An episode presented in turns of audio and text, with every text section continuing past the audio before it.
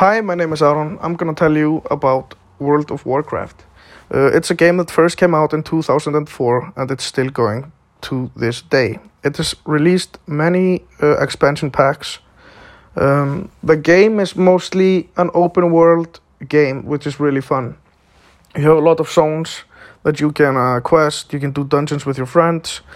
Um, the game is mainly played for PvE and PvP, which is PvE is dungeons, raids, and questing, uh, which is like uh, killing bosses and stuff to level up, gain gear, and a lot of things. I mostly play the game uh, PvP wise, which is Battlegrounds, World PvP, and Arenas. Um, arenas is competitive play. Uh, for a fact, my uh, uncle was the best World of Warcraft player in Europe in 2010 or or 11. Uh, I met I met a guy uh, when I was 10 years old in this game, uh, and we are friends now. 12 years later, um, it's a really good game. Uh, you can fly, use horses, mounts. Uh, you can do professions, engineering, um, everything. It's a, it's such a good game. uh, like like I play the the PvP uh, part of the game. So what I do is I I hit the maximum level.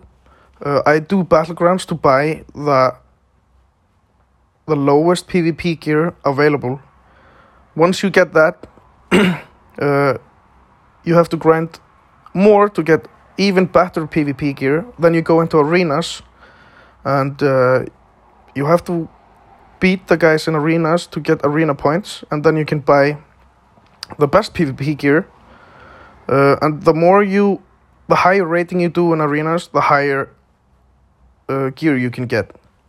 Uh, the PvE play is uh, so you have 10 man raids, 25 man raids, you have uh, normal mode, heroic mode.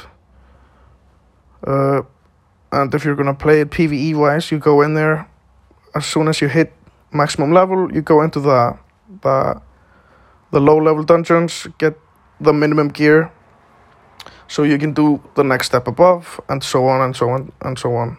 Um, there's guilds uh, where people, uh, it's like a clan, so and you can have like one thousand people in in one guild. Um, I played this game from six to 23.